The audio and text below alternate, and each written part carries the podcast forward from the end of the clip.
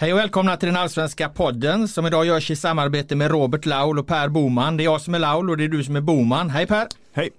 Idag är det vårt sista avsnitt för den här säsongen. Allsvenskan tog ju slut igår lördag och vi ska förstås gå igenom allt som är värt att gå igenom om det som har hänt under de här sju månaderna. Men vi börjar med att jag ska ta fram en liten avslutningsgåva till dig Per.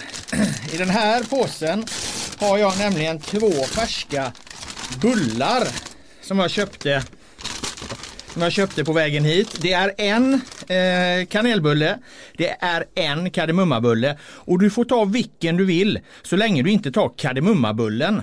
Och under tiden du väljer och äter så ska jag berätta för dig och våra kära lyssnare varför Djurgården vann Allsvenskan 2019. Djurgården vann allsvenskan 2019 för att de har en sportchef som heter Bo Superbosse Andersson som för några år sedan när han noterade Sirius resa genom tabellsystemet tänkte att den här tränarduon de har ska en dag träna Djurgården. Tränarna heter som alla vet idag Thomas Lagerlöf och Kim Bergstrand och de har som inga andra tränare skänkt en stabilitet åt det som inte nödvändigtvis varit det bästa spelarmaterialet i år. Djurgården har under Lagerlöf och Bergstrand varit laget med absolut högst lägstanivå. Alla lag ramlar under en lång säsong ner i en eller ett par formsvackor. Men det unika med Djurgården 2019 är att deras formsvackor har inte kostat några poäng. De har vunnit även när de spelat sämre samtidigt som Hammarby och Malmö FF till exempel har kryssat. När jag i förra veckan tog rygg på Superbosse under matchen mot Örebro så var det en sak som slog mig starkare än något annat när han plockade ner mig utanför omklädningsrummet minuterna före avspark. Det var Thomas Lagerlöfs oerhörda lugn. Jag skrev i min text då att om Sverige någon gång skulle ockuperas av en fientlig makt så hade jag känt mig helt trygg med att Lagerlöf ledde det väpnade motståndet. Han skulle inte stressa upp sig över det heller. Jag skrev att den här förmågan att skapa ett lugn för att inte låsa sig av spänningar för att kunna få ut sina kvaliteter skulle Djurgården få nytta av i sista matchen mot Norrköping. Och efteråt, apropå den här katastrofstarten med att de låg under med 2-0 så fick ju Lagerlöf frågan vad de egentligen sa i omklädningsrummet och gjorde under pausvilan i Norrköping. Och då återkom Lagerlöf till att de egentligen inte gjorde så jäkla mycket. Han tyckte, han tyckte att prestationen ändå varit tillräckligt bra i första halvlek så det var bara att behålla lugnet, fortsätta på samma sätt, att ha tålamod. Och är det något vi har pratat om här i podden kring Djurgården det här året så är det just tålamod. Jag älskar ordet tålamod. Jag tycker att det är det bästa ordet som finns. Tålamod är förmågan att kunna utstå väntan, förseningar eller svårigheter med bibehållet lugn. En tålmodig person kan hantera yttre stress utan att hänfalla åt okontrollerade känslosvall eller aktioner. Inom vissa religioner framställs tålamod som en dygd. Det nämns både i Bibeln och i, i Koranen. Ändå är det inte i närheten av vilken dygd tålamodet är i religionen fotboll. Detta lärde oss redan den gamle profeten Lasse Lagerbäck på sent 90-tal. Fotbollen är ju på så sätt ett ganska simpelt gammalt, gammalt spel. Det finns ett par enkla sanningar. Du måste ha en bra målvakt, ett organiserat försvarsspel, vinna dina närkamper. Du måste idag klara att spela ur en tidig motståndarpress. Du måste ha ett varierat anfallsspel och kunna göra mål på många olika sätt.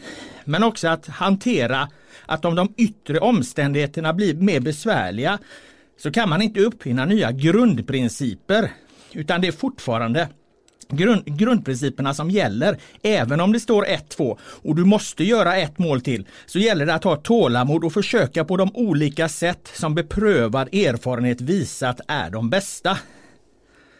Det här har Djurgården gjort i match efter match efter match efter match med resultatet att man tagit sina poäng. Man har nickat in hörnor. Man har avgjort eller kvitterat efter minut 65 när motståndarna börjar gå på knäna. Och det här är den huvudsakliga förklaringen till att Djurgården vinner allsvenskan 2019. Och det har varit en fantastisk resa att få följa.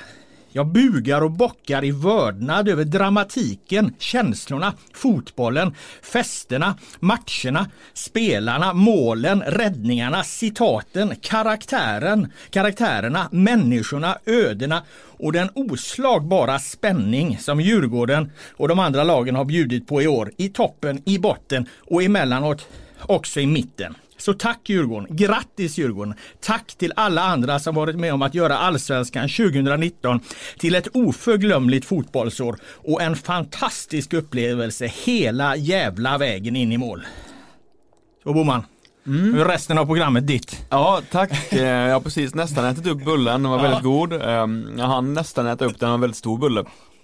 Eh, det var fint fångat tycker jag. Jag tycker du det var, ehm, där ramade du in Djurgårdens säsong på ett alldeles utmärkt sätt. Jag har, ehm, kan egentligen inte säga, säga emot någonting av det du sa där vid att eh, det är just nog det mentala. där satte Laul sin bulle i halsen.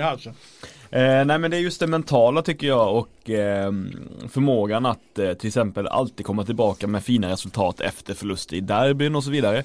Och då, jag måste säga att då, då är det väl då anledningen till att de kan, att de kan vara mentalt trygga och så vidare det är ju för att de har tidigt under säsongen eh, satt ett så pass tryggt grundspel som alla spelare verkar väldigt, väldigt, väldigt så här, eh, lojala med och eh, känner sig helt eh, lugna i det, i det spelet.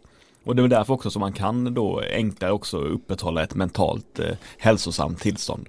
Så ja, nej jag tycker att Djurgården har varit eh, fantastiska 2019 och att de är väl värda det här eh, eh SM-guldet. Ingen av oss var ju på plats eh, tyvärr då i, i Norrköping. Jag var i Örebro och följde Malmö mot Örebro och du var i Stockholm och så eh, Hammarby, Häcken. Det var ju såklart fantastiska scener därifrån och det var ju roligt att följa de matcherna men vi missar ju då den, den kanske då största matchen, guldmatchen.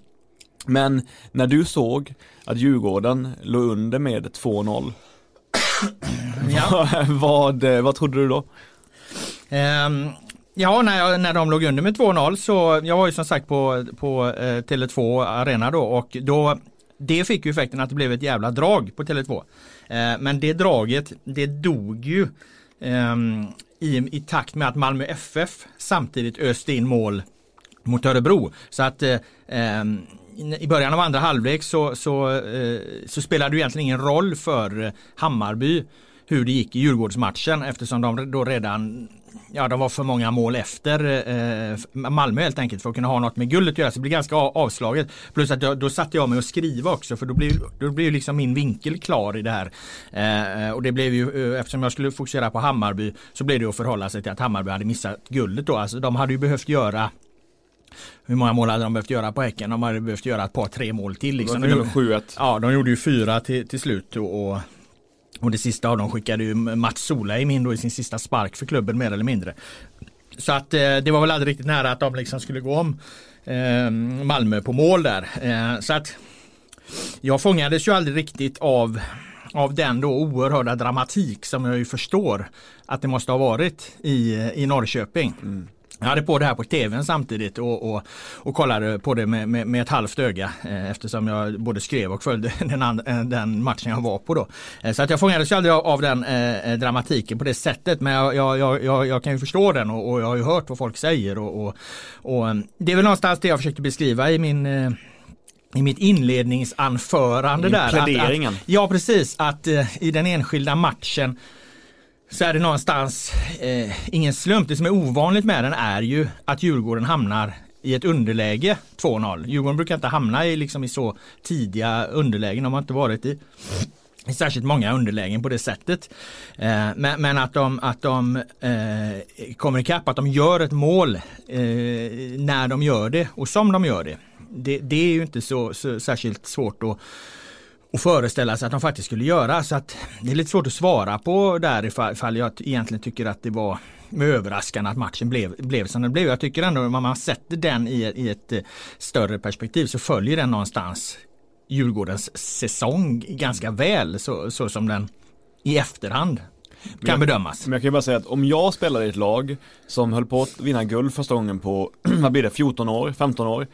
Eh, och jag ligger under med 2-0 mot ett ett av Sveriges bästa hemmalag eh, tidigt i matchen, de ligger under med 2-0.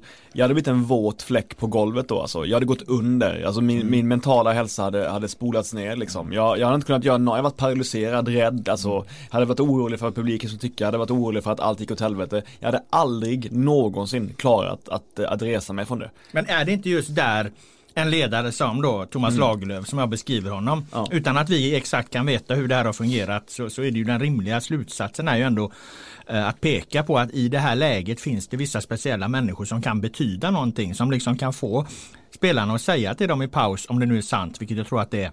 Att killar, visst vi ligger under med 2-0 men vi har faktiskt gjort en, en, bra prestation. Om vi fortsätter på det här sättet, att vi gör det vi kan så kommer vi förr eller senare göra ett mål och två mål. Att, att om du får en, en person som kan förklara, ta ner det liksom på, på konkret praktisk nivå eh, och, och, få bortse från de yttre omständigheterna och säga okej okay, vi, vi ska bara fortsätta göra det vi kan. För att vi har visat att vi, vi kan det tillräckligt bra så nu går vi ut och gör det här. Mm. Eh, om du med trovärdighet, om du under hela säsongen har byggt upp en bild av dig själv att det det, det den här personen då i det här fallet det han säger, att det är sant, att det stämmer, att det gång på gång visar sig att han har rätt. Då lägger man en oerhörd tro på honom. Så när man sitter i omklädningsrummet så tror man ju på det som sägs. Mm. För att det är ju också, det, är ju, det bygger ju också på fakta. Det enda sättet egentligen att, att, att vända ett 0-2 underläge läge, det är ju inte att, att, att uppfinna ett hjul en gång till eller att uppfinna ett nytt hjul utan det, det är ju att, att gå tillbaka till det man vet fungerar. Hur gör man mål i fotboll? Vad är det som funkar? Liksom? Och det var, det var ungefär de grunderna som jag läste läste upp där i, i början, att man får, får helt enkelt kliva tillbaka då till dem. Eh, det, det, måste ju helt enkelt vara förklaringen tänker jag för att hantera den här yttre, det här yttre trycket som du, du målar upp.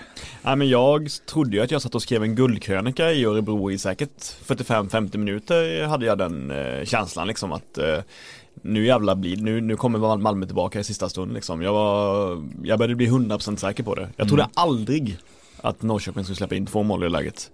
Eh, och det, jag tycker nästan att man glömmer bort hur, hur, hur sinnessjukt det är ändå. Alltså, alltså hur, hur, nära det var att Djurgården tappade där. Alltså, det, det var, eh, jag är ju tillhör de som trots att jag är neutral i sammanhanget mår illa sådana dagar. Jag tycker inte att det är jag tycker det är kul att jobba men jag tycker inte det är underhållande. De här svängningarna får mig att verkligen mår dåligt liksom. Jag skrev det i min krönika att Socialstyrelsen borde sluta bry sig om de jävla buller, att, det, att det inte får för mycket buller på konserter och så här. Istället borde de förbjuda fotbollsmatcher på grund av den mentala ohälsa som sprids i samband med sådana här avgöranden.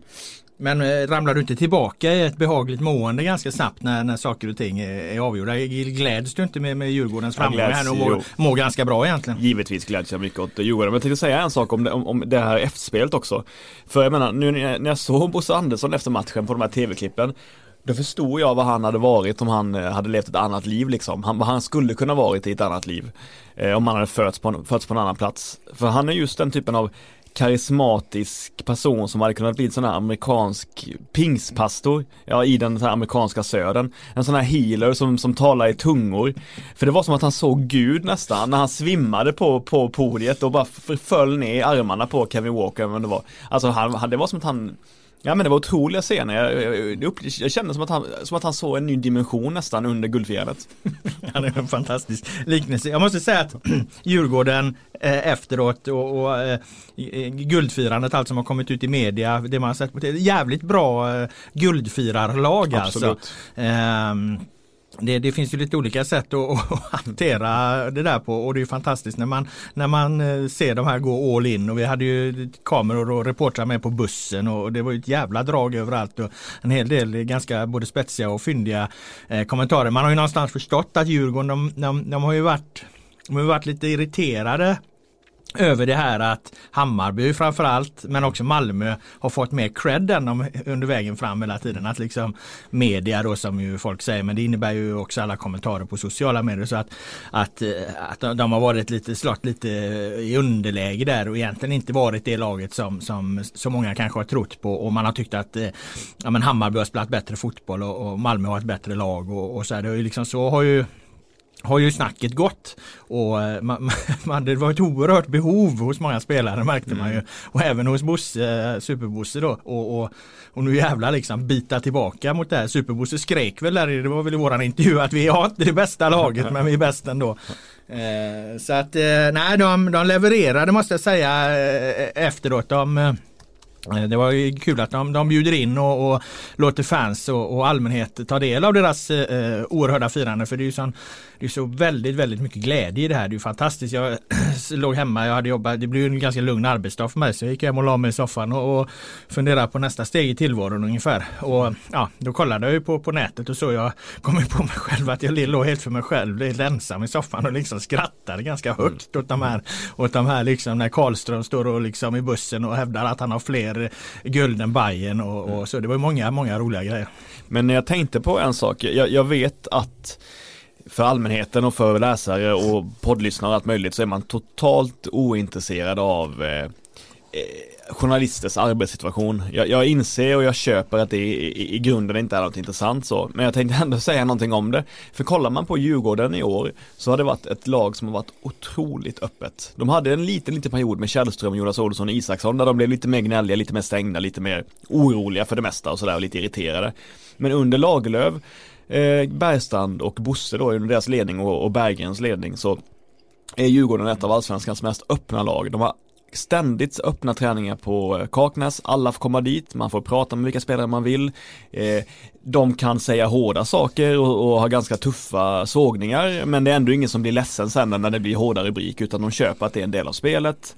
Eh, Bergstrand och Lagerlöf har konstant varit en del av den offentliga debatten liksom om allsvenskan och gärna uttryckt sig och gärna tagit plats utan att, utan att tro att, utan att vara rädda att det ska ge tändvätska till, till motståndarna. Likadant med många av spelarna att de har varit liksom väldigt öppna och, och intressanta. Om man jämför då till exempel med AIK som har lagt många, många säsonger nu på att vara så stängda som möjligt aldrig ge någonting alls till medierna som skulle kunna vara tändvätska till motståndarna. Alltid undvika att vara i centrum, eh, gärna stänger så mycket som möjligt. Vill gärna att man, om man, har, man måste, man måste liksom bestämma med dem långt innan vem man ska intervjua och de kan säga gärna nej till intervju också, det händer ofta liksom. Och vill gärna styra mediearbetet mycket, mycket mer.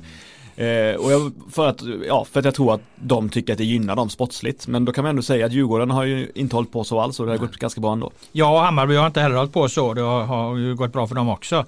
Jag tror att jag tror inte att det har någon jätteavgörande betydelse för resultat och så vidare egentligen det här. Men, men jag tror att eh, det skapar mer problem än, än eh, det ger positivt. Den här rädslan och ständiga oron.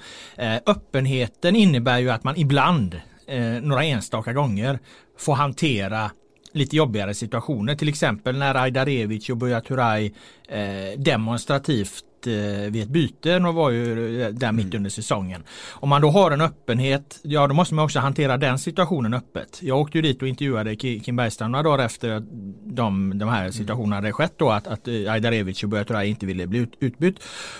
Och eftersom de hade gått in i säsongen med öppenhet, ja, då fick de hantera den här situationen öppet och Bergstrand sa ju liksom rakt upp och ner, alltså det där är ett barnsligt beteende, så, så här gör man inte liksom. Det, det är dålig respekt mot de andra spelarna hur, hur, bra som helst. Man, men då måste man också hantera dem. Om du stänger igen liksom och inte behöver svara på något, då behöver du inte svara på det heller. Så att öppenheten gör att det kommer att komma ett par situationer varje år som blir lite extra besvärliga att hantera och som man då måste hantera i öppenheten. Har man den här stängda tillvaron, ja då behöver man inte hantera hantera den. Men däremot blir det ett konstant fokus på att hela tiden ha det stängt. Mm. Och jag tror att det i sig suger mer energi mm. än de här enstaka jobbiga situationerna. Att istället för att ha 365 dagar då du hela tiden ska kontrollera vad alla människor gör och att ingen säger något och att inte någon får höra något och så. Det blir i sig ett mycket, mycket större energiläckage än ifall du vid tre av 365 dagar måste hantera lite större grejer utåt som förvisso kan vara jobbiga att hantera utåt. Men men, men, men, men, det är mycket färre tillfällen. Exemplet med svenska landslaget är, är ju är ju klockrent här med, med Lagerbäck och, och, Söderberg hur de gjorde det till ett så gigantiskt problem att startelvorna läckte ut. Mm. Eh, de började liksom mer eller mindre förhöra landslagsspelare och så här vilka, var, vilka är läck veckor och så vidare. Och du skapar, du skapar en miljö som inte är sund när du, när du från ledarhåll lägger ett så oerhört eh, fokus på det. Lagerbäck och Söderberg fattade ju aldrig att det var inte någon jävla enskild läcka som satt och Tysta ut hela laget till oss då utan vi pusslade ihop det här via olika sätt. Liksom spionera på någon träning här, hörde något där och så vidare. Nio gånger av tio stämde det, ibland blev det fel men det var aldrig så liksom egentligen att det satt någon och bara liksom gav hela jävla laget. Men det var ju uppenbarligen vad de trodde att det, att det liksom fanns en förrädare i truppen där liksom, vilket det aldrig någonsin gjorde. Och då har Lagerbäck, Söderberg skapat ett problem som egentligen inte existerar. Man har gjort en situation som har blivit mycket krångligare. Och det är det jag tror att liksom AIK i viss mån Malmö kanske då gör när de försöker kontrollera det här hela tiden. Ja, mycket intressant.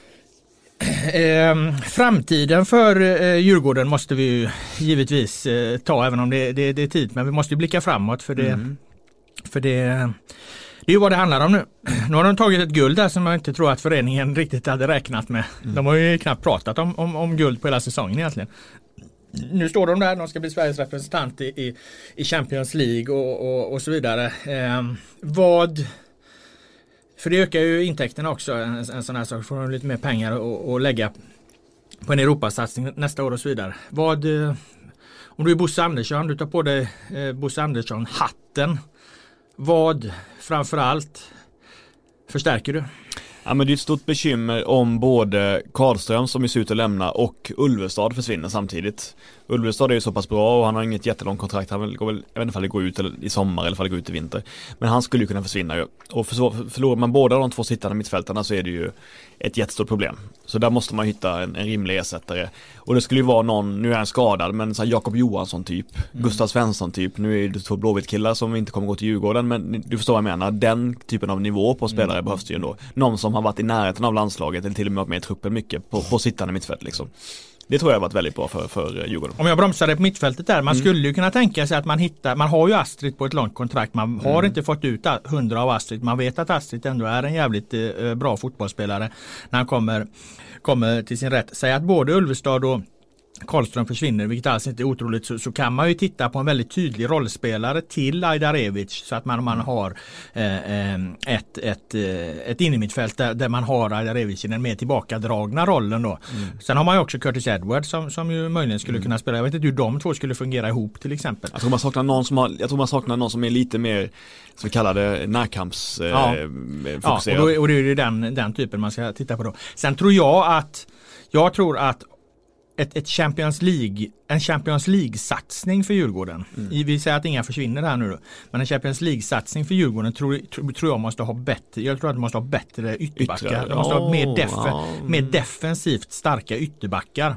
Annars kommer de få det svårt i, i, i kvalspelen. De kommer bli jävligt straffade. Vi såg AIK, hur fruktansvärt straffade de blev i, i, i, och de hade ändå ett de hade ändå bra försvarsspelare. Men det är eh, en högre nivå när man kliver in i de här kvalen och du måste ha du måste ha en, en, en defensivt skickligare fyrbackslinje. I allsvenskan har det här mångt och mycket eh, räckt med, med de här eh, ytterbackarna. De är jättefina offensivt på alla sätt mm. men, men de är, är för svaga defensivt. Så mm. det, det, det, tror jag att de behöver. Men då blir det återigen liksom eh, det som Malmö har haft nu att man, man, ska liksom man ska bygga lag för två olika sorters strider. De här har funkat jättebra liksom i konstgräsligan, allsvenskan. Mm.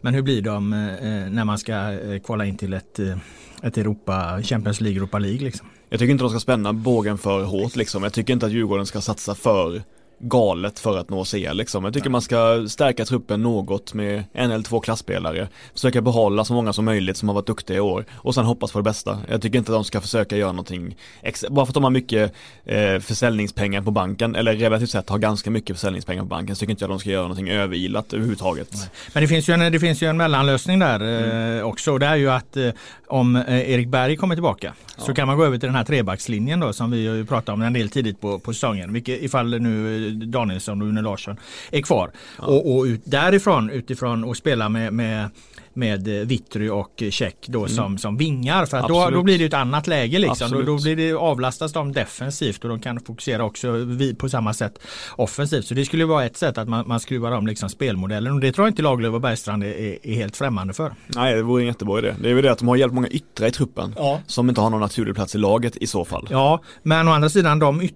yttrarna är ju inte alla eh, topp topp heller. Liksom. Inte, så att det, det, är väl inte hela världen att avpolitera några av dem där. Nej då kan man köra kör Buja och Kujovic på topp. Sen försvinner, ja det hade också varit intressant i ett 3-5-2 då. Ja, Det hade- ja. ja, eh, och se, och, men då ska ju Buya Turay vara kvar då. Det, det är väl högst osäkert om han Ja, blir. fast jag tycker Bosse kan hålla på så ganska ofta, nej det går inte, det kommer inte hända. Och sen så helt plötsligt så sitter han där och, och så ser man en bild när han tar, tar Buja i hand och skriver på ett treårskontrakt liksom. Att han liksom försöker sänka, att han försöker då han är väldigt bra på det här spelet mot ut, utländska klubbar tycker jag liksom, hur, hur han, han försöker hålla sig kall, kall, kall och sen kommer han med stöten liksom. Sen så tror jag att det finns ju en anledning till att eh, Tommy Vaiho under alla år inte har varit en första målvakt. Eh, sen är det möjligt att Tommy Vaiho eh, har Hey there, it's Michelle Norris. I'm host of a podcast called Your Mama's Kitchen. When I travel, I'm usually looking for a way to find a taste of home when I'm not at home. And one of the things I love to do when I am at home is entertain. And Airbnb allows me to do that. When I was in California recently, I rented a house that had a great kitchen. And when we were sitting around the table, we we're all thinking, we're in someone else's house. Someone could be in all of our homes as well. If you have a home, but you're not always at home, you have an Airbnb. Your home might be worth more than you think. Find out how much at airbnb.com/slash host.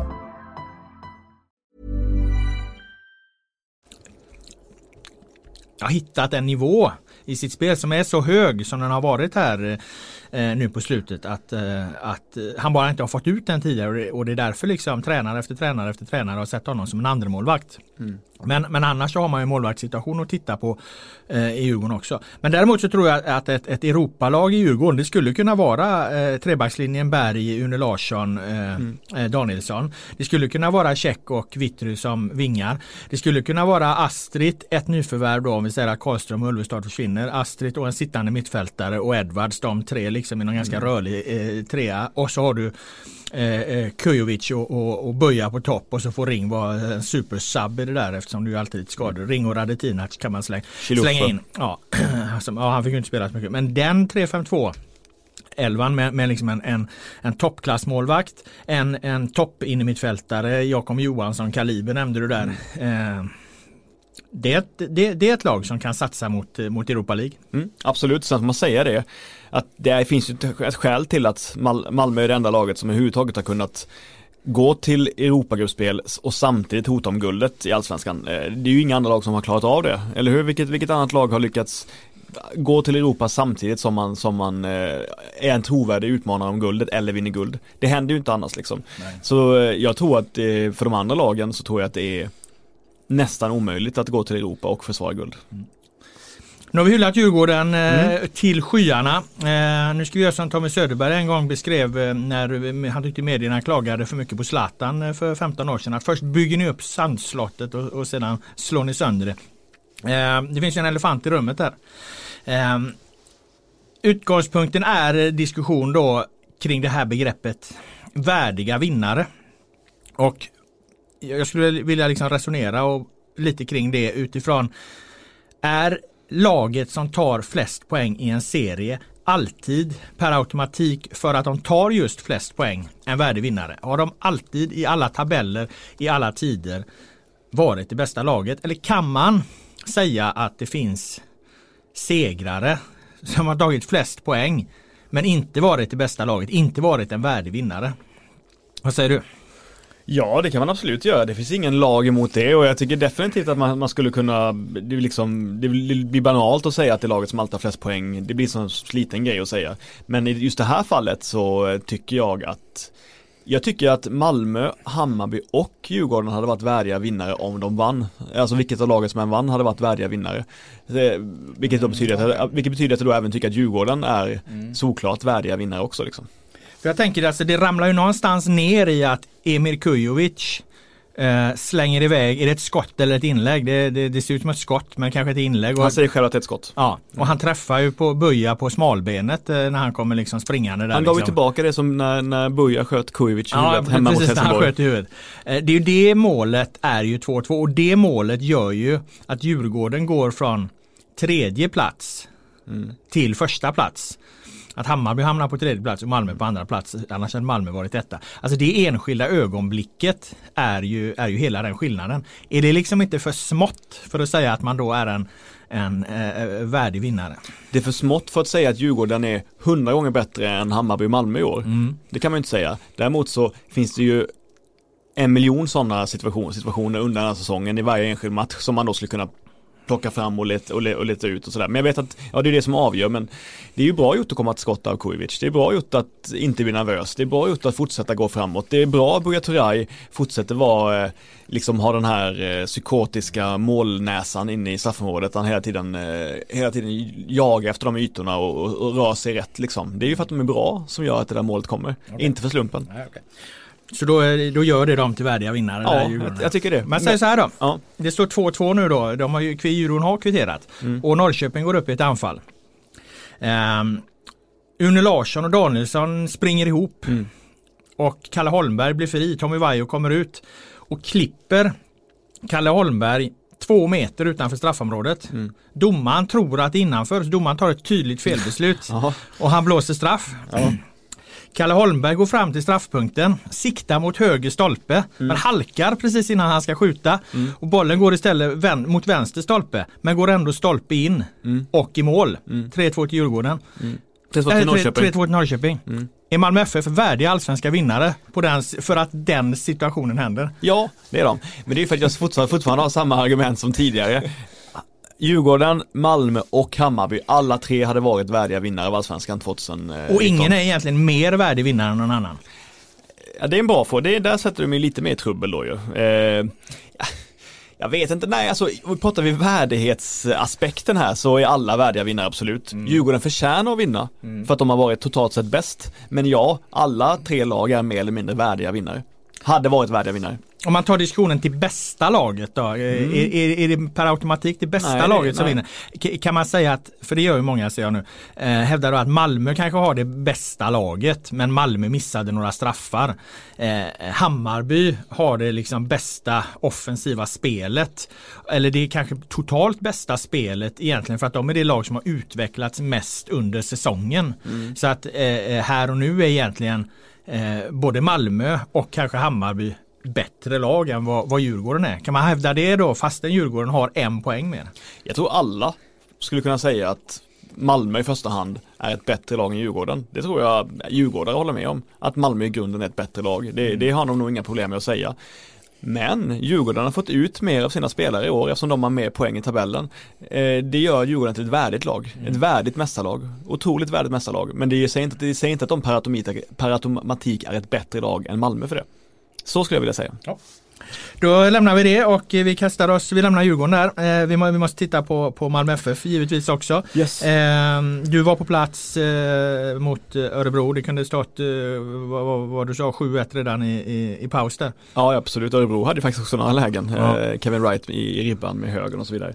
Nej men eh, Malmös första halvlek, jag skrev det i krönikan, att det är det, det är det minst ängsliga laget jag sett. Det är det mest liksom icke-neurotiska laget som jag har sett spela fotboll. De bara tog tag i den här matchen som ett lag som gör, som är vana vid de här situationerna och asfalterade Örebro. Alltså det var en, det var den bästa insatsen jag sett dem göra i Allsvenskan den här säsongen. Mm. Och med tanke på att det var på konstgräs också. Det fanns liksom ingen tvekan om att Malmö skulle vinna med minst tre mål. Det kunde man säga redan efter fyra och en halv minut ungefär. Det var otrolig rörlighet, alltså Traustason, alltså Jo Inge Berget var en sån parodiskt offensiv som höger wingback. Det var jag, jag var jätte, jätteimponerad av Malmö och när då Djurgården lönde med 2-0 och Hammarby hade inte lika lätt med målskyttet som Malmö hade. Då var jag säker på att nu tar Malmö guldet liksom. Mm. Och det hade gjort dem till värdiga vinnare då också om de hade lyckats med det. Eh, nej men Malmö var fantastiskt bra. De gjorde precis det man kunde vänta sig av dem. Eh, till och med mer än vad man kunde vänta sig nästan. Så att jag eh, jag har liksom inte ett eh, ont ord att säga om den insatsen. Det var kul att Marcus Rosenberg fick bryta sin konstgräsförbannelse i allsvenskan. Det var första gången han gjorde mål i allsvenskan på konstgräs sen sommaren 2016 två påpassliga mål. Eh, kunde vunnit med 10-0 liksom. I hans sista allsvenska match. I hans sista allsvenska match också. Och då skrev jag en formulering som jag, som jag tror inte någon har brytt sig om, men som jag tycker, som jag tycker, som jag som republikan tycker är kul att, eh, att eh, man brukar kalla folk i, i, i um, lokala hjältar sådana som är, är levande legendar, legendarer i städer brukar man ju säga att de är, att de är kungar. De är kung i stan. Men jag tycker att det är liksom alldeles för futtigt för Marcus Rosenberg. Jag tycker att han är en folkhjälte. Han går hem i de breda lagren. Han är, han är, en, eh, han är en, eh, en hjälte för alla i den staden liksom. Och det var kul att han fick eh, avsluta med, ja ett guld fick han inte avsluta med, men åtminstone två fina mål. Marcus Rosenberg i all ära, ansiktet för Malmö FF 2019 mm. är ju Ove Rösler utan tvekan. Ja. Vad sa han efteråt?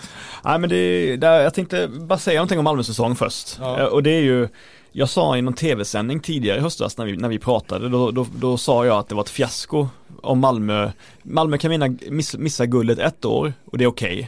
Om särskilt om man går till Europa, men missar man guldet två år på raken, då är det ett fiasko att slå fast då. Det kan ha varit någon gång i september, kanske augusti. Eh, och jag ångrar det alltså, jag måste säga att jag ångrar det. Det var dumt sagt, det var en jävla lam åsikt, slentrianklyscha, sånt man säger bara för att ha någonting att säga och för jag tycker verkligen inte att det här är en fiaskosäsong av av Malmö. Det, det, kan inte, det kan inte vara, det är ett misslyckande att inte vinna guld, men det är ingen fiaskosäsong. Eh, de har eh, fått 65 poäng, vilket ofta leder till, alltså räcker till guld. De har ett mycket väl fungerande och underskattat grundspel. De har gått till gruppspel i Europa, får allt mer respekt där ute och kommer förmodligen, eller med, förmodligen, de har stora möjligheter att gå till slutspel. Eh, jag är imponerad av det Malmö som Ove Rösler har skapat med ett äldre lag, alltså det energistinna Malmö. Eh, så jag, jag, tycker inte att det här är ett fiasko, tycker du det? Nej, nej, jag håller med dig till 100%. Jag tycker absolut inte att det är något fiasko. Jag skulle lägga till en grej där som jag tror många inte tänker på. Alltså allsvenskan är en konstgräsliga. Mm. Det har varit tio lag som har spelat på konstgräs i år, mm. vilket jag ju eh, hoppas aldrig mer kommer att upprepas för att det drar ett löjets skimmer över den här ligan att så jävla många matcher spelas på, på, på konstgräs press. Det, det, det kan inte vara så att, eh, för det, så här ser det inte ut i övriga världen.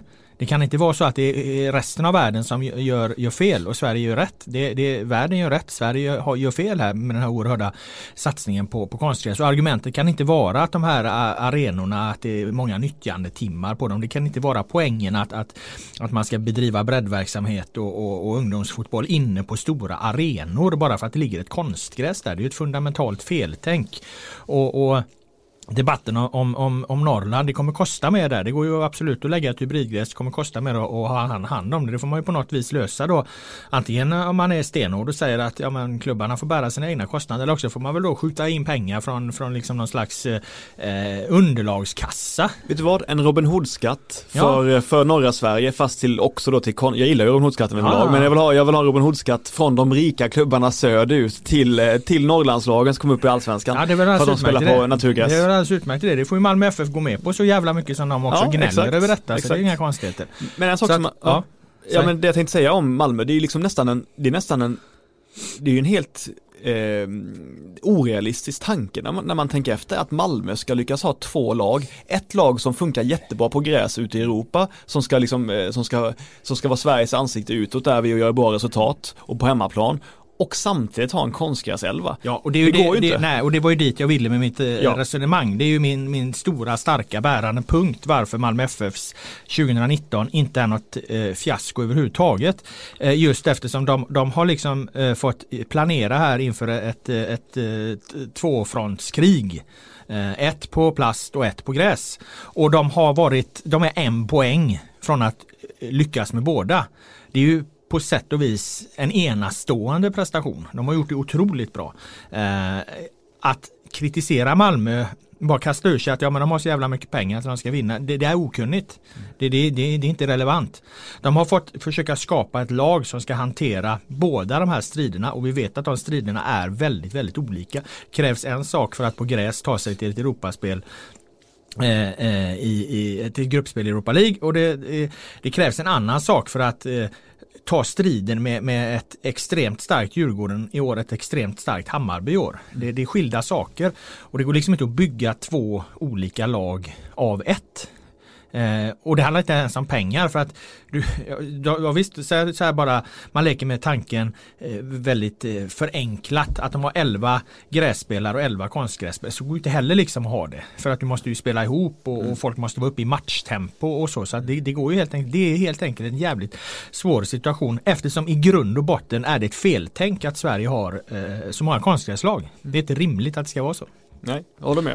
Och därför vill jag ju leda in allt detta Ja. på Ove Rösler då eftersom det har diskuterats om hans framtid i Malmö FF. Men jag vill först som alltid veta vad Ove Rösler sa på presskonferensen om det nu var någon sån Ja, efter... det hände, det hände en detalj som jag tyckte var rolig. Men jag vill bara, för bara, bara säga en sak. Jag sa ju till dig efter att Rösle liksom, han är, alltså jag eh, Rösle är ju en otrolig profil. Vi, hade, vi gjorde ju en lista över de största profilerna i Allsvenskan och vi satte han på andra plats va?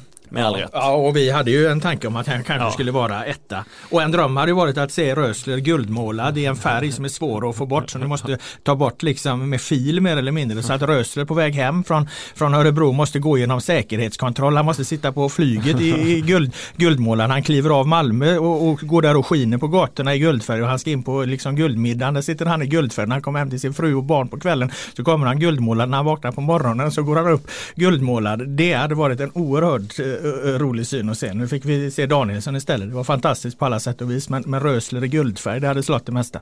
Ja men han är ju otrolig. Jag skrev till dig här för några dagar sedan, lite överdrivet. Jag älskar Ove Rösler efter ytterligare en bra rubrik, eh, rubrik från honom och då skrev du tillbaka, lugna ner dig lite, nu får du lugna dig. Fick jag, fick jag som, som svar då. Men, eh, men det var, han är rolig för att på presskonferensen så Ja, det, blir, det, blir ju så att eh, på kvällstidningar får, får, man ju, får man ju ställa de frågorna som man vet kommer, inte kommer falla i god jord. Men då, då, då, då ehm, höll han en utläggning, en eh, värdig utläggning i Rösle där han sa hej då till Andreas Georgsson och han hyllade Marcus Rosenberg och han tyckte det var trevligt att vara i Örebro och vilken fin match de gjorde på konstgräset. Och då fick jag ställa frågan sen ändå det här, ja Rösler, Ove, det är ju, eh, det är ju eh, alltid mycket spekulationer om en klubb som Malmö såklart och jag vet att ni har matcher kvar i Europa och att säsongen är inte över än och sådär men jag måste ändå ställa frågan Tror du att du tränar Malmö FF nästa år? Och spände han blicken i mig på ett sätt som bara Ove Rösle kan göra och så sa han Det där var en väldigt opassande fråga Det var så ett jävla maktspråk. Eh, och, berätt, alltså, så, här, och så berättade han, hade han en lång utläggning om att eh, det är fortfarande säsong och så vidare. Vi har Europamatcher kvar, man kan inte ställa den typen av frågor nu. Vilket såklart man kan göra, men han vill ju inte svara på det för han vet ju inte vad som händer med honom själv. Eh, så det får man köpa. Men sen så eh, sen ställde jag en fråga till och sa så här, Bosse Andersson vill gärna ta en öl med dig, har han sagt. Eh, Ja det gör jag gärna, så han var ju glad också. Och efter presskonferensen så kom han fram och jag hade mössa på mig, klapp, klappade mig på huvudet som att jag var hans son liksom och liksom så här, det är lugnt, du kan, han sa inte det men blicken sa, det är lugnt, du får ställa den typen av frågor men jag, jag var tvungen att bita ifrån liksom. Så att, eh, ja det var mycket roligt, han är rolig, eh, Ove. Eh, Det vore ju en fullständig tragedi om han nu försvinner Ja, från det, Allsvenskan. det. det vore oerhört tråkigt. Eh, Jag tror det ligger till så här med den saken. Jag tycker mig ha varit tillräckligt länge i den här branschen för att kunna läsa eh, mellan raderna vad saker och ting handlar om. Eh, Uppenbarligen finns det något med Jens Gustafsson där. Säkert varit något, något möte på någon nivå liksom för att eh, han, han, eh, han dementerar eh, inte hela vägen i i sina citat har jag noterat. Ja, dundersvag dementi Ja, faktiskt. eh, Jens Gustafsson. Så det finns något. Jag tror helt enkelt det kan vara så här enkelt att åker Malmö ur Europa League här nu och, och säsongen då liksom inte förlängs för dem. Då, då kommer nog Malmö titta på ett tränarbyte. Då får man tillfälle att göra det. Det skulle förvåna mig om Ove Rössel tar Malmö FF vidare i Europa League och sen får gå.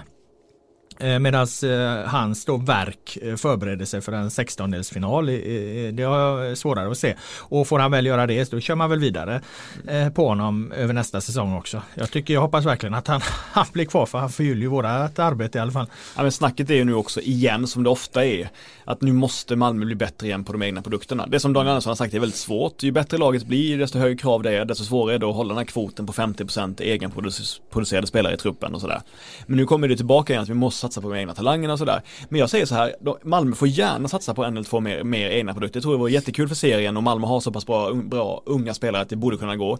Men man, jag tror inte man kan, man kan inte tro att Malmö ska ha halva laget egna, egna unga spelare samtidigt vinna guld och gå vidare till gruppspel i Europa. Det är en omöj, jag tror att det, jag tror att det är inte omöjligt men extremt svårt. Men jag tycker att det är en bra den här regeln med att man har eh, x antal procent då som ska vara från egna led. Att det finns någon form av, av styrning och så. Men när man talar liksom om de bästa eh, allsvenska eh, topplagen i allsvenskan så har ju serien kommit någonstans så långt att det är väl liksom inte det behöver man inte se som så jävla negativt ifall, ifall, eh, ifall det är egna unga med eller inte i, i varenda match. Så alltså jag, jag tycker inte man ska stirra sig blind på det. Jag tror att det är viktigt att det finns en identitet och att det finns liksom kulturbärare och att det finns någon form av, av koppling och så. Men jag menar till exempel Marcus Rosenberg är ju ett jättebra exempel på det. Det finns mm. många spelare men de måste inte nödvändigtvis vara unga. Sen är det jätteroligt liksom när projekt som IFK Göteborg och det lyckas bra där och de kan vara stolta över det och de går den vägen och så. Men, men jag tror att det, det kommer vara svårt att i allsvenskan och det kommer inte Blåvitt heller klara att konkurrera med, med, med sin akademi. Utan här, här, behöver man öka intäkterna för att de här lagen där uppe de har nu så, så höga intäkter och, och, nu kommer ju Hammarby och Djurgården med där också. Så att, så att, och du har AIK som det gick lite sämre för i år. Så att, det kommer vara väldigt svårt och så. Däremot så kan man ju ta sig ur en, en jobbig situation i all, allsvenskan genom att bygga på sin eg, egna. Man kan, man kan sälja ett par och så. Men att det här liksom över tid hela tiden ska, ska bära sig, bära. Det tror jag är någon form av, av, av utopi och det är liksom någonting som folk tar till som ett försvar ibland också. Att när det går dåligt att okej okay, men nu satsar vi på våra unga istället. Och, och, när det funkar, visst jättefint, tar vi av oss hatten för det. Men sen måste man ändå, kommer man ändå vara tvungen att ta nästa steg. Så att eh, eh jag ser, ser liksom, jag tycker inte att eh, jag skulle inte kritisera Malmö utifrån det perspektivet alls. Nej, jag kan respektera att man, att man gärna ser det, men då får man också vara beredd på att Malmö kommer femma. Ja, ja, att de kan ja. komma femma liksom. Får, man, kan, man, kan, man, man, kan inte kräva det och samtidigt kräva resultat. Det är precis så. det jag menar. Till exempel ska Göteborg gå upp från en, en sjunde plats ta sig förbi liksom, vilka blir det? Häcken, Norrköping i första hand är ju, är ju föreningar de då ska, ska förbi liksom. Ja, det kommer de inte göra om de, om, de, om de satsar mer på de egna unga talangerna. Det kommer de göra om de fortsätter göra värvningar som Sana Aiesh. Det liksom är vägen och för att göra dem så måste de öka sina totalintäkter. Mm. Sen är det ju så att det enda som är, den poängen som är intressantast ändå är ju att Kalnén och de här säger ju att de måste sälja fler spelare. Att Malmö har ju är såklart överlägset rikast men de har inte sålt så många spelare den senaste tiden för så mycket pengar. Inte, framförallt inte så många egna produkter förutom Svanberg då. Vilket i och för sig gav 50 miljoner och är otroligt bra men för att kunna mäta sig med de här jävla belgiska klubbarna och schweiziska klubbarna och hela den skiten eh, ekonomiskt så måste de ju sälja fler unga spelare helt enkelt. Precis men det behöver nödvändigtvis inte vara någon man tar från en egen akademi heller utan du kan ju göra en, en, en värvning på en spelare som är i 20-22-årsåldern som, mm. som du betalar tillräckligt mycket pengar för i allsvenskan och så. Och det har vi också sett exempel på så det är ju heller inga konstigheter. Um, därmed kan vi kanske ta och lämna Malmö FF ja, och uh, som vi gratulerar till en andra plats då i, i årets allsvenska. En värdig uh, andra plats definitivt, definitivt. och gå över på uh, Hammarby då. Mm. som slutar trea, en värdig tredjeplats. Ja det måste man verkligen säga, ja. otroligt värdig. eh, där var jag som sagt på plats då på, på Tele2 Arena och det var ju ett jäkla drag som sagt i början där eh, och när det kom rapporter om att Norrköping eh, ju, ju inte bara gjorde 1-0 utan också 2-0 så eh, blev det ett eh, galet drag alltså bland de här. Det var ju 30, över 30 000 mm. åskådare på den här matchen. Eh, så då var det bra tryck. Däremot så krampade ju Hammarby ganska mycket mm. i, i eh, första halvlek. Och Andreas Alms Häcken kan man inte vara med i guldstriden så kan man åtminstone förstöra den för ett mm. lag. Eh, för att de direkt tog de extremt lång tid på sig varje gång bollen gick död. Abrahamsson han skulle göra en utspark. Han han tog ju en cigg under tiden när han väntade på att skjuta ut bollen liksom. Och du vet, då ökar ju frustrationen. Och sen så överdrev de sitt bollinnehav ganska mycket, eller jag vet inte om de överdrev det, men ganska mycket i backlinjen ett, ett tag. Jag tror det var någon situation där Jonna Toivio ställde sig, med mindre stod stilla med bollen. För att Hammarby hade inte, jag vet inte om det var om det blev så eller om det var deras taktik att de hade de var inte riktigt lika hög tidiga i sin press. Eh, inte riktigt lika så utan de var, var, mer att de väntade in Häcken lite. Eh, sen om det bara blev så eller var, bara var så en, en, sekvens av matchen för det var inte hela tiden absolut inte utan det var ett par, ett par fem, tio minuter i, i första halvlek där. Och då så stod de mer eller mindre stilla med bollen. Sen började eh, Hammarby jaga lite och då fick de inte tag på den för Häcken var ganska skickliga. Eh, Trots att både Friberg och Paulinho var borta. Eh, så att eh, då blev du frustrerat av den, eh, den anledningen. Och det här släppte egentligen inte förrän ja, när, när eh, Bayern gör då ett, ett konstmål i 35 minuten. Rodic till Djurdjic som liksom klackar fram eh, Kasaniklic. Och man ska säga en grej om Kasaniklic. Alltså I de där lägena är han ruggigt säker alltså när han är strax utanför straffområdet och placerar in bollen. Vet du vad han gör? Han gör som Edvard Engmark, han skjuter i steget. Ja, Eller hur? Skotten är aldrig ma- magnifika men de kommer i med en timing som gör att målvakten inte hinner med. Så är det. Det sa man om Torbjörn Nilsson också, kommer jag ihåg när jag var liten, att han sköt, han sköt alltid i steget. Ja. Eh, Så då var det ju 1-0 där och sen kvitterade visserligen Häcken i, i början av andra halvlek men då såg man att Hammarby hade ett jävla flow så då kände, tänkte man väl bara, ja, det var bara tidsfråga innan de gör 2-1 och då gjorde 2-1, 3-1, 4-1. Och så hade de ställt av den där matchen förhållandevis eh, enkelt måste jag säga. Så det, är ändå, det är ändå trean mot sexan och det, det, det, det är väldigt enkelt. Det är absolut ingen topprestation av Hammarby på, på något sätt. Var det dystert efteråt skulle du säga? Eh, det, var, alltså det hamnade ju i ett konstigt jävla mellanläge där. Mm. Jag tror att Hammarby, hade Malmö FF vunnit, Hammarby tvåa och Djurgården trea, som det var ett tag. då? Då, hade Ja. ju när Billborn nästan fått sin karneval alltså. Ja. Det, det tror jag verkligen att man hade kunnat leva med. Eh, eh, som både spelare, supporter och, och engagerade i klubben. Alltså att, att falla då hade det blivit en målskillnadsaffär liksom och du, du faller på något mål mot Malmö FF. Du har Djurgården bakom dig. Du vet att du har gjort en fantastisk säsong. Det hade, det hade, alltså det, det hade inte blivit karneval givetvis men, men de hade, det hade varit en oerhört mycket gladare stämning. Nu var den, nu var den liksom lite Ja, ja, whatever, lite så- sådär liksom. Men det var fint ändå för att eh, spelarna gick ju runt och tackade publiken och publiken stannade ju kvar och, och de sjöng tillsammans och de hyllade varandra och han materialen som åker runt på sin imaginära Beatlen. jävla motorcykel där liksom fräste ju runt där på, på, på liksom inneplan och Billborn eh, drog igång någon sång och så, så att det var ju fint liksom. Det var liksom en, en, en trogen publik som hyllade ett lag som har gjort en otrolig insats med en poäng och, och ifrån att vinna allsvenskan. Men eh, det ligger ju som ett, en liten filt över det att det var Djurgården som vann och inte Malmö FF. Jag tror att de har mer kunnat leva med, med tabellen Malmö, Malmö, Hammarby, Djurgården såklart. Ehm, Det som är bra för Hammarby är att om en, att Tankovic kan ju såklart lämna, men utöver honom så är det ju i princip ingen som lämnar ju. De kommer ju ha ett eh, de kommer ha ett väldigt bra lag även nästa år liksom. Alltså Bayern med en eh, ordentlig målvakt från början och en riktigt eh, vass eh, nummer 9 striker. De kommer ju dansa hem allsvenskan 2020, det vågar jag slå fast redan nu Ja, nästan. fast- ja, andra men säg det, en riktig målvakt från början och en, en, en mycket pengar på en extremt bra anfall som de får ha hela tiden som inte ska Mm. dra efter halva säsongen. Då är ju det laget komplett. Men de får fler gräsmatcher nästa år.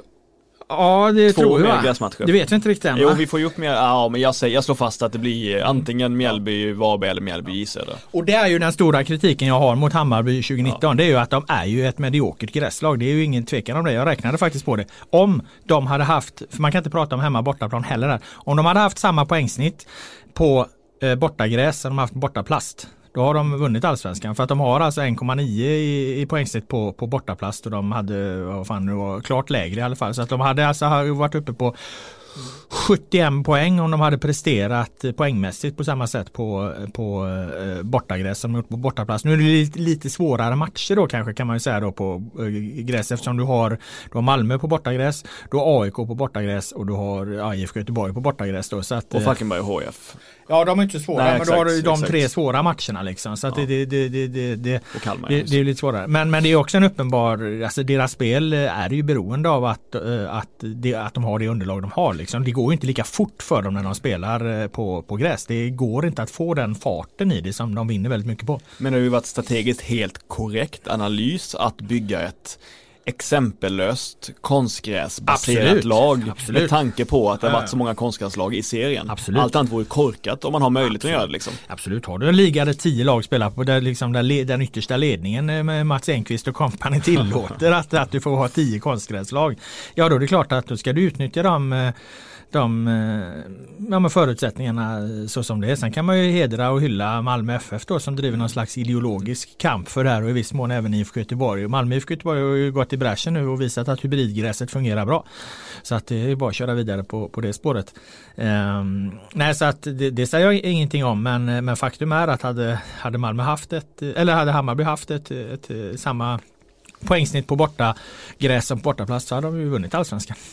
Ja så är det ju. Och sen samtidigt är det ju svårt för dem att hinna bli bra på naturgräs eftersom de aldrig tränar på det nästan. Nej. Och de inte spelar några matcher på det. Så Nej. det är väldigt svårt att kunna toppa eh, gräsformen när man nästan aldrig spelar på det liksom.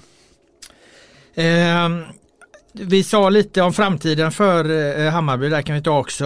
Eh, målvaktssituationen, är Blasevic så bra som har varit de här fyra senaste matcherna? Han var bra mot Häcken också tycker jag. Eh, Mm. och och en, en riktigt vass anfallare, är han Aaron Johansson? Är han, är det bara att han, han behöver mer tid så som vi har sett med, med Kacaniklic, vi har sett det med Tankovic, vi har sett det med Haksabanovic, sett det med Ajdarevic, att det tar ett tag innan man kommer igång efter man varit borta länge och att han är då, för han har gjort, han har ju faktiskt levererat i större ligor tidigare. Har han, har han liksom, är han så bra som, som han har varit tidigare då, då har de redan löst, då har de nummer nian på plats.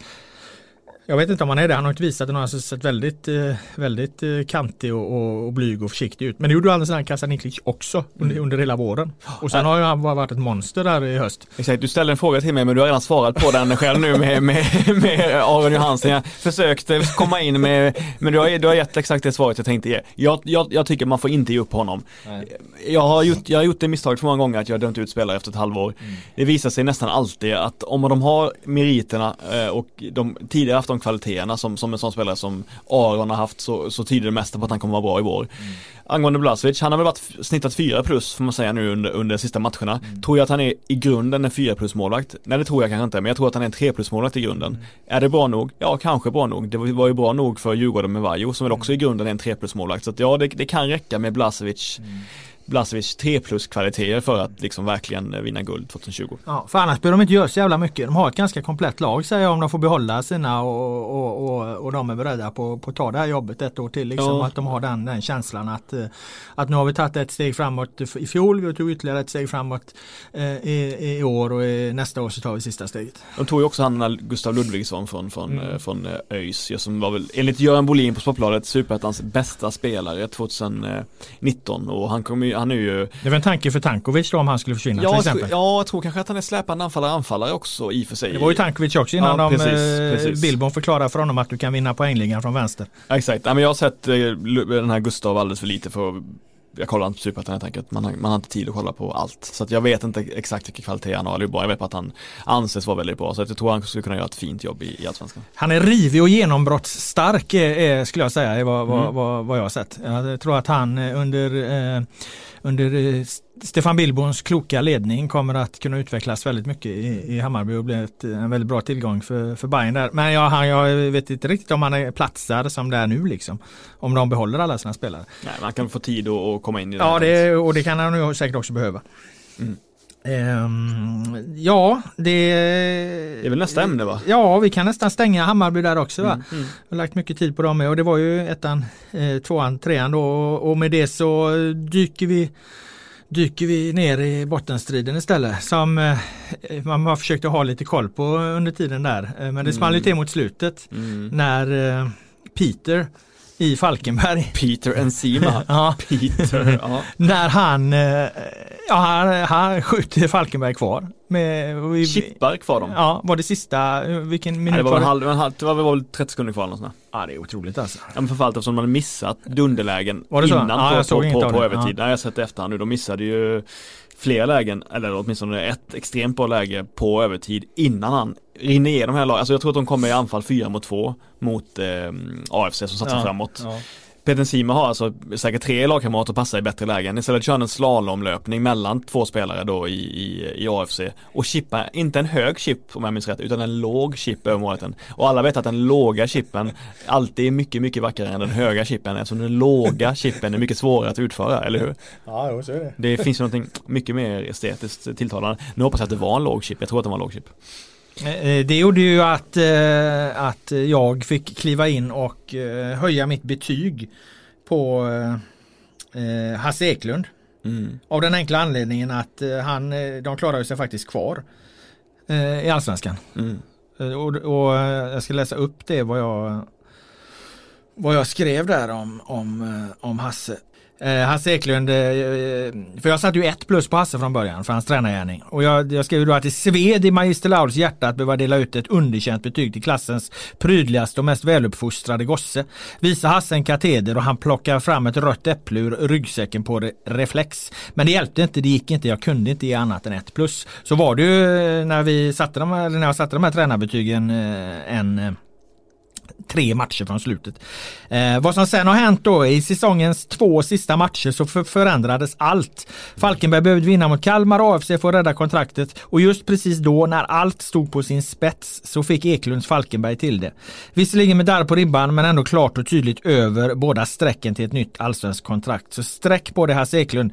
Magister Laul höjer dig till en trea och det är viktigt att påpeka och betona att vi har gjort den här höjningen för att det är inte så att folk går in och tittar vad som står i en eh, gammal artikel. Det är därför jag passar på att, eh, höj, att läsa upp och, och verkligen eh, med kraft betona att, att jag höjde Hasse Eklund till en, en välförtjänt trea. Ja, Eh, Håller du med eller? Ja, självklart. Någon ville att han skulle haft en fyra till och med såg jag en det kommentar där. men däremot tyckte jag att han skulle kunna haft en eh, Jag tyckte redan när du satte en etta att han borde haft en tvåa alldeles oavsett om de klarar sig kvar eller inte En fyra kan han inte få för att de tar, tar trots allt för, Ja, det är 25 ja, poäng. 25 poäng brukar ju inte räcka till att klara sig kvar väl eh, Men, men eh, nu klarar han sig kvar utan kval och det är otroligt bra med det spelarmaterialet Ja, det får man ju säga och en extremt liten budget. Det är eventuellt förmodligen eh, allsvenskans eh, minsta. Vi får väl se när de exakta siffrorna är klara. Det brukar komma efter säsongen, men, men förmodligen så ja. Falkenberg är allsvenskans ärligaste lag och Falkenberg är Sveriges trevligaste förening så jag undrar dem allt gott Och dessutom har de gräs, eh, spelar de på gräs, Precis. så det, det, det är också ett plus i kanten. Ehm, Samtidigt så var det ju mer bittra scener i eh, när då eh, Kalmar förlorade med 3-0 borta mot eh, Sirius. Ja, Ner på kval. ja. Nere på kval i sista omgången. Vad kände du när Kalmar förlorade? Att jag var inte överraskad. Nej.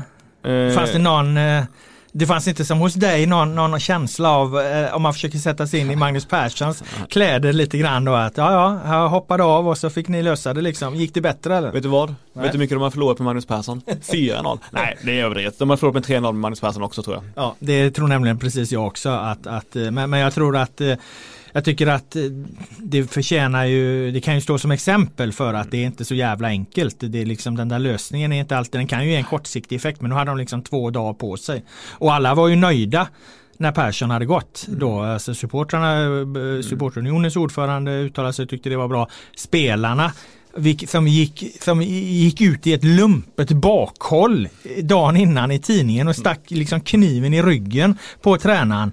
Eh, två dagar, tre dagar innan de ska eh, spela en viktig match anonymt. Okej, gör det efter halva säsongen, gör det efter när det är tio, om, tio omgångar kvar, när det finns liksom lite tid.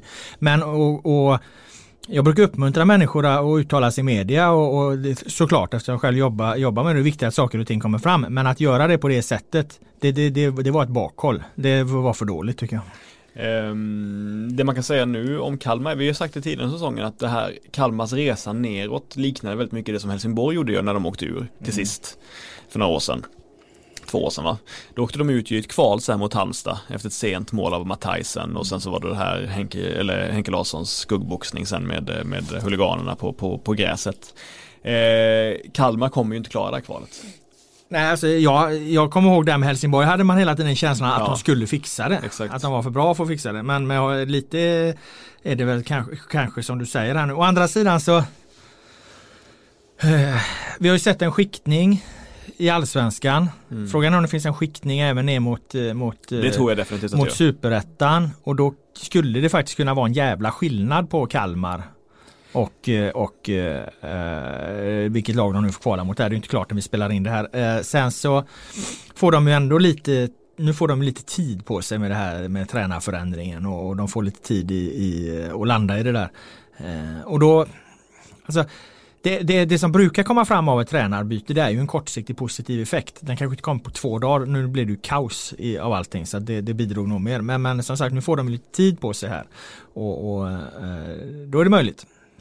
Spelare för spelare tror jag ju att de kommer vara Vilket lag man möter från Superettan så kommer de ha Kommer nio av tio startspelare vara bättre i Kalmarlaget Mm. än vad den är i, i J Södra eller Varberg eller Brage Vilket nu det blir, ja, äh, det blir liksom Men jag tänker också att de är otroligt långt ner mentalt nu också Alltså otroligt långt ner Men Viktor Elm är tillbaka och han måste ju Ja. liksom kunna i ett sånt här läge kliva fram. Ja men det är väl det, Alltså de har ju ändå haft spelare på en enormt mycket högre nivå liksom. det som talar för Kalmar är såklart Hägg Johansson, Viktor Elm Rasmus och eh, Romario Ja. Eh, Det är väl det som, som talar för att Kalmar ska klara av den här eh, Jag, jag, jag tror ändå att de fixar ett kval faktiskt. Jag ändrar mig. Eller jag ändrar, jag vet inte, jag har inte tänkt så jävla mycket på det egentligen. Men, men, men jag tror fan att de, de ska klara ett kval.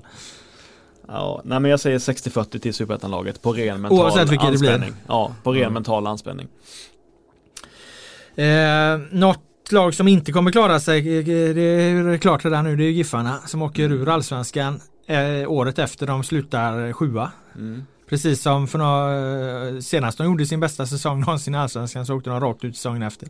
Och nu var de sjua 2018 och åker ut 2019.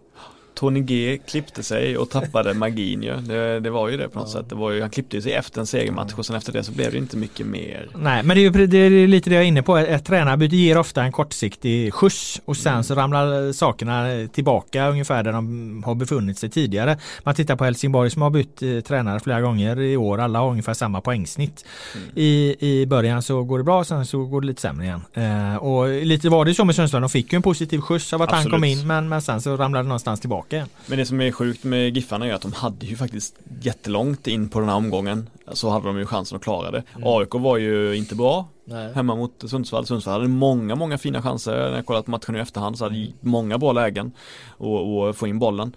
Men det har du sagt efter varenda jävla Sundsvallsmatchen. så det som är grejen, Giffarna har blivit ett mycket bättre lag sen Tony tog över, det måste man säga. De har skapat fler chanser på matchen, de har spelat Ja, rakare, de har spelat en tydligare fotboll. Så att eh, Tony har gjort ett ganska bra, ganska bra jobb ändå måste man säga med det laget. Men å andra sidan, ett ganska bra spelarmaterial också. Eh, men jag, eh, jo men de hade ju länge chansen. Eh, Falkenberg hade ju bara kryss. Eh, Giffarna gick ju för segern Mm. mot ett AIK som inte riktigt kändes på 100% på tårna. Så att eh, det måste vara otroligt bittert liksom. Otroligt bittert från att ha gjort den fina säsongen i föreningens historia till att åka ur. Det är ju det är ju, det, det, det korresponderar, ju ganska, korresponderar ganska bra med deras ekonomiska status. Deras egentliga ekonomiska status är ju att de ska vara ett lag, ett lin, lindansarlag. Förra året var ju en stor, stor överprestation. Men det är ju, eh, måste vara jättesorgligt för alla i Mediapod.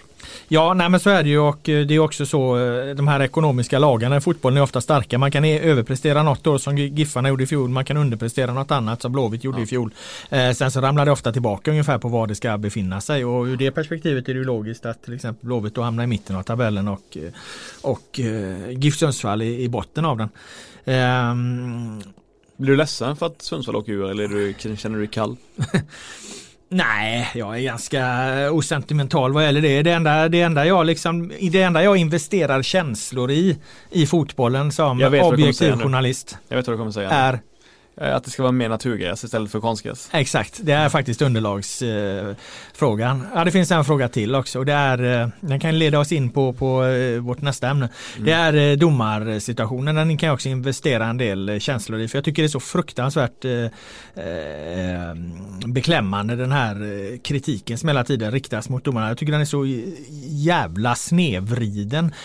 Att vara domare måste ju någonstans vara ett av de svåraste yrkena som, som finns i, i, i hela världen. Och Respekten från många spelare och ledare är häpnadsväckande låg och eh, har varit egentligen hela säsongen. Alltså spelare och ledare vräker ut sig vad fan som helst som om det inte liksom är människor de pratar om.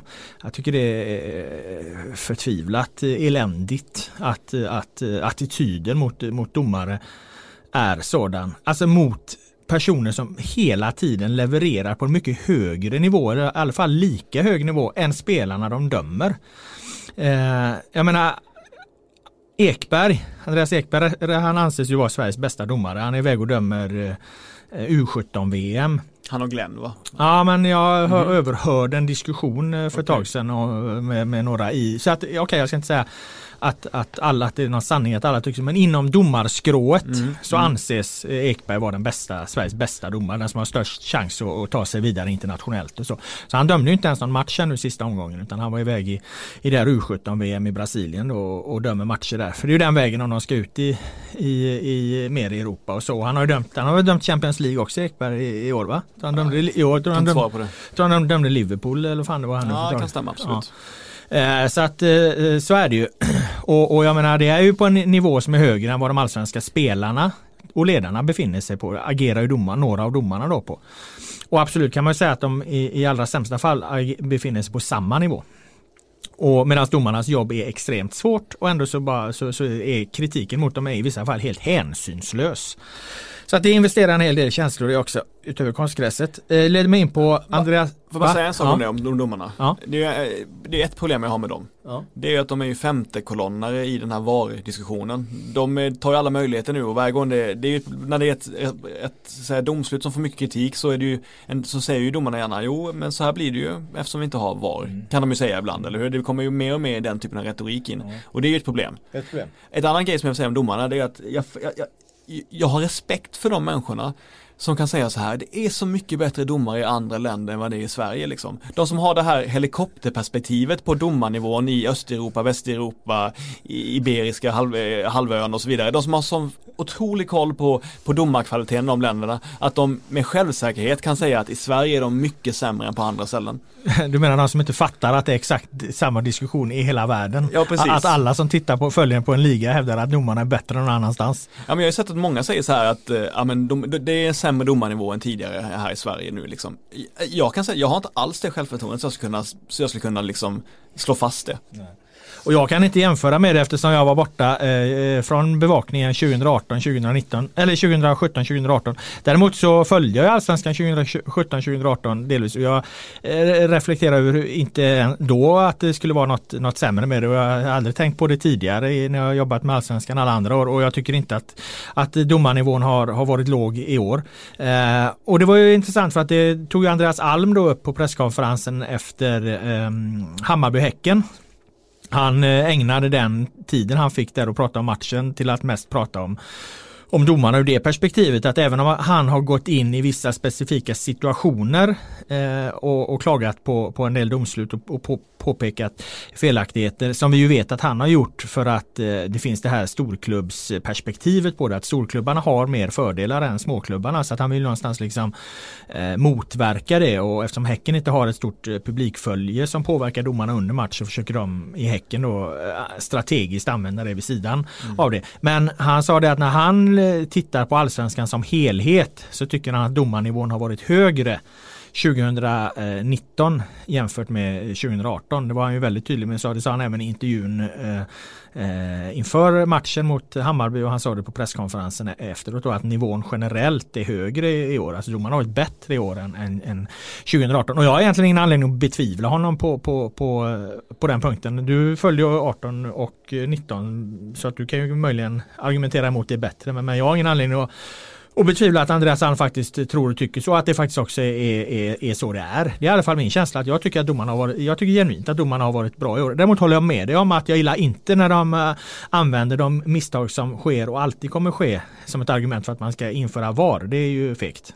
Ja, nej men jag... eh, Och det, det, det, den kritiken ska landa på domarbasen Stefan Johannesson tycker jag i så fall. För det är ju någonstans han som styr den. Öppnas Pandoras ask. Ja, ja, den- eh, så att det kan man ju nästan så att man ska gå ut i ett, ett eh, brett upprop och kräva Johannessons avgång här bara för att han liksom tar till det billiga tricket.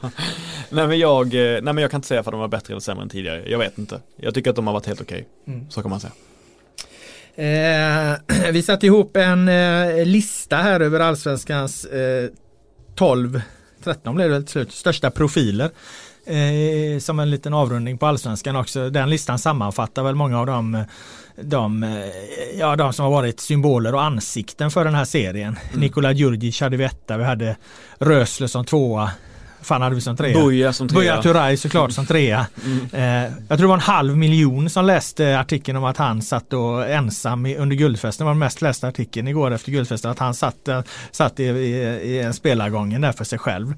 Eh, så att eh, Buya Turay har blivit en stor profil. Jag tror vi, hade Kindberg som fyra, Daniel Kindberg som har varit involverad i den här, i den här rättegången. Han är inte kvar i Östersunds FK men, men han har ju sannerligen då satt avtryck eh, på gott och ont och på olika sätt. Och än så länge är han ju inte dömd för någonting. Så att eh, innocent until proven guilty som de säger. Så att då får man ju förhålla sig till Kindberg som en, eh, en slags profil i allsvenskan då även om, om eh, sådana uttalanden kanske åldras dåligt. Ja och sen de andra namnen alltså som var profiler var ju Rosenberg, Rodic, Andreas Granqvist, Andreas Alm, Simon Tern, Sebastian Eriksson Oskar Linnér och Saulius och Saulius eh, tränarduon i AFC. Ja, det, de, de kommer man nog aldrig glömma även om man inte vet, vet någonting om dem. Det är ett underbetyg till den svenska ja. allsvenska journalistkåren får jag säga att ingen har liksom gjort Nej, Saulius och Saulius. De kan ju liksom ha fantastiska perspektiv på, på världen och fotbollen, livet och kärleken men ingen liksom har åkt dit och frågat dem om det. Jag kan meddela på den här presskonferensen eh, efter AFC mot Malmö mm. så var det otroligt fint att se en av Saulius eh, männen, eh, hans relation till eh, Ove Rösle, de var så trevliga mot varandra och pratade fint och kramade om varandra och sådär. Så, så det är två stora profiler. Den ene Saulius och eh, Ove. Man kan ju säga att allsvenskan 2019 vi kan ju göra en shout-out här då, eller vad fan heter alltså, är det, var det, undrar, Finns det någon, tror du, som tippade att GIF Sundsvall skulle åka ur, Kalmar kvala, AIK missa Europa, Bayern komma trea och Djurgården vinna. Tror du finns, tror det finns en enda människa i hela världen som, har, som, som satte den, den, den rad av alla de liksom fem grejerna i ett tips? Jag tror nej, inte det. Nej. Jag tror att det, är, det är större chans att få rätt om du hade slagit en tärning på de fem. Gjorde, de fem gjorde du det. Nu ställde du en fråga till mig som jag inte ens hann svara på innan du själv sa nej. Nej men jag håller med dig, det finns inget som tyder på att, eh, som tyder på att eh, någon har tippat så på det viset. Vad säger du då avslutningsvis om nästa år? Vilka vinner? Eh, nästa år tror jag att Malmö FF vinner allsvenskan tack vare att det är fler gräslag i serien då. Vad tror du? Ja, jag har redan svarat på det. Jag sa ju det att eh, om, om Bayern löser målvaktsfrågan och, och får till en, en bra eh, anfalls nummer 9 lösning så tror jag att de dansar här med allsvenskan. Men eh, som sagt, det finns ju en poäng där med, med hur, hur många gräslag det blir också.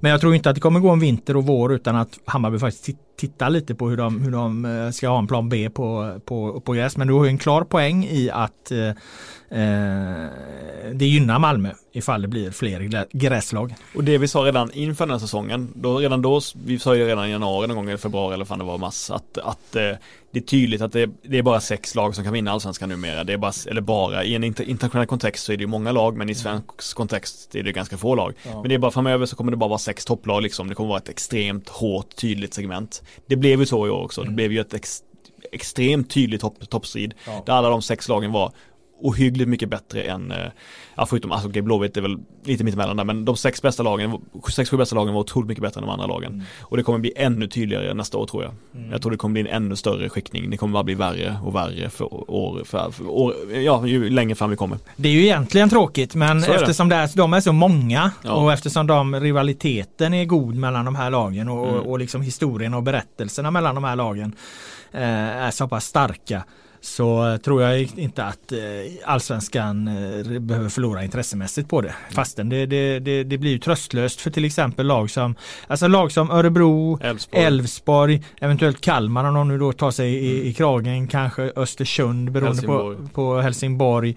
De behöver ju liksom hitta andra saker än att hela tiden prata om att ja men vi ska slåss, vi, för de pratar ju också så här att vi ska slåss om Europa. Mm. Det är ju inte rimligt att Örebro eller Elfsborg ska göra det så som världen ser ut just nu. Men då, jag tror att de måste hitta andra saker, till exempel att eh, finna en stolthet i att fan är du allsvenska, är du Sveriges bäst, åttonde bästa lag i fotboll som ju Elfsborg är. Mm. Alltså det åttonde bästa laget. Det är fantastiskt. Mm. Då ska det vara karneval genom Borås när man klarar åttondeplatsen. Man måste på sätt och vis börja bygga det på ett annat sätt. Värdet i att vara ett allsvenskt mittenlag måste vara större. Eh, det måste finnas en, en man, man, måste på något vis acceptera tjusningen på ett annat sätt att möta de här storklubbarna. Så mm. tror jag man behöver förhålla sig till det. Annars blir år efter år efter år efter år bara ett misslyckande för att man nådde inte Europa som alla liksom sätter som mål. Nej, det tycker jag är en bra, en bra grej. Någonting man skulle kunna göra som de mittenlagen, de mittenlagen som inte borde åka ur men som inte kommer vara topplag, det är ju att man faktiskt kan en sak som kan göra dem att de kan ta steget upp är att de börjar sälja, eftersom allsvenskan börjar sälja unga spelare för högre och högre priser så kan ju ett mål vara att man åtminstone varannat år säljer en ung spelare för eh, över 20 miljoner liksom. För det är inte orimligt, det är inte omöjligt. Spelar man en ung, spelar man en bra 20-åring, 21-åring, en Adenaric typ hela året som mittenlag, då kan man ju få upp, snabbt få till, eh, eller snabbt, man, man kan få till ett par försäljningar då som skulle kunna hjälpa dem. Så det kan ju vara ett mål för de klubbarna.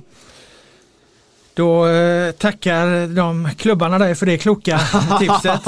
Och jag tackar dig för att du har varit här hela säsongen med dina eh, synpunkter och åsikter. Jag ska avsluta med, med att läsa upp ett eh, mail från en av våra mest trogna lyssnare. Jag tyckte att han eh, eh sammanfattade våran podd på ett bra sätt och vi kan väl avsluta med de orden då till de, de som eventuellt inte har förstått vad det är vi har försökt göra här i år. Men han, det är från Sven Heibel då, vi har haft med honom tidigare här i, i podden. Han är bra på att formulera sig Han eh, kallar våran podd, eller oss då, för eh, Fladdermusen och grottan. Och han skriver så här. En fladdermus navigerar i livet genom att flyga runt i blindo och avge konstanta läten. Läten som studsar mot grottans väggar och berättar för fladdermusen om hur världen är beskaffad. Allsvenska poddens metod för att navigera i fotbollsvärlden påminner mycket om fladdermusen och grottan. Där Laul tveklöst är fladdermusen och Boman grottan. Laul ger ifrån sig en strid ström av känslomässiga spekulationer som får studsa mot den, kal, den kalla solida grottväggen Boman. Resultatet blir strålande. Det blir underhållning med substans och mängder av nya perspektiv på allsvenskan som vi lyssnare aldrig hade fått syn på annars. Vi tackar Sven för de väldigt fina orden. Eh, det, de sammanfattar på ett ganska bra sätt vad, hur vi själva vill att eh, här, eh, den här podden ska tas emot och hur vi tänker att fortsätta med den nästa år. Så tack så mycket Per. Tack så nu får vi vila ut lite till Allsvenskan drar igång igen. Och eh, vi, vi, ni lär väl märka och vi kommer meddela när den allsvenska podden är tillbaka igen. Tack så mycket för den här säsongen.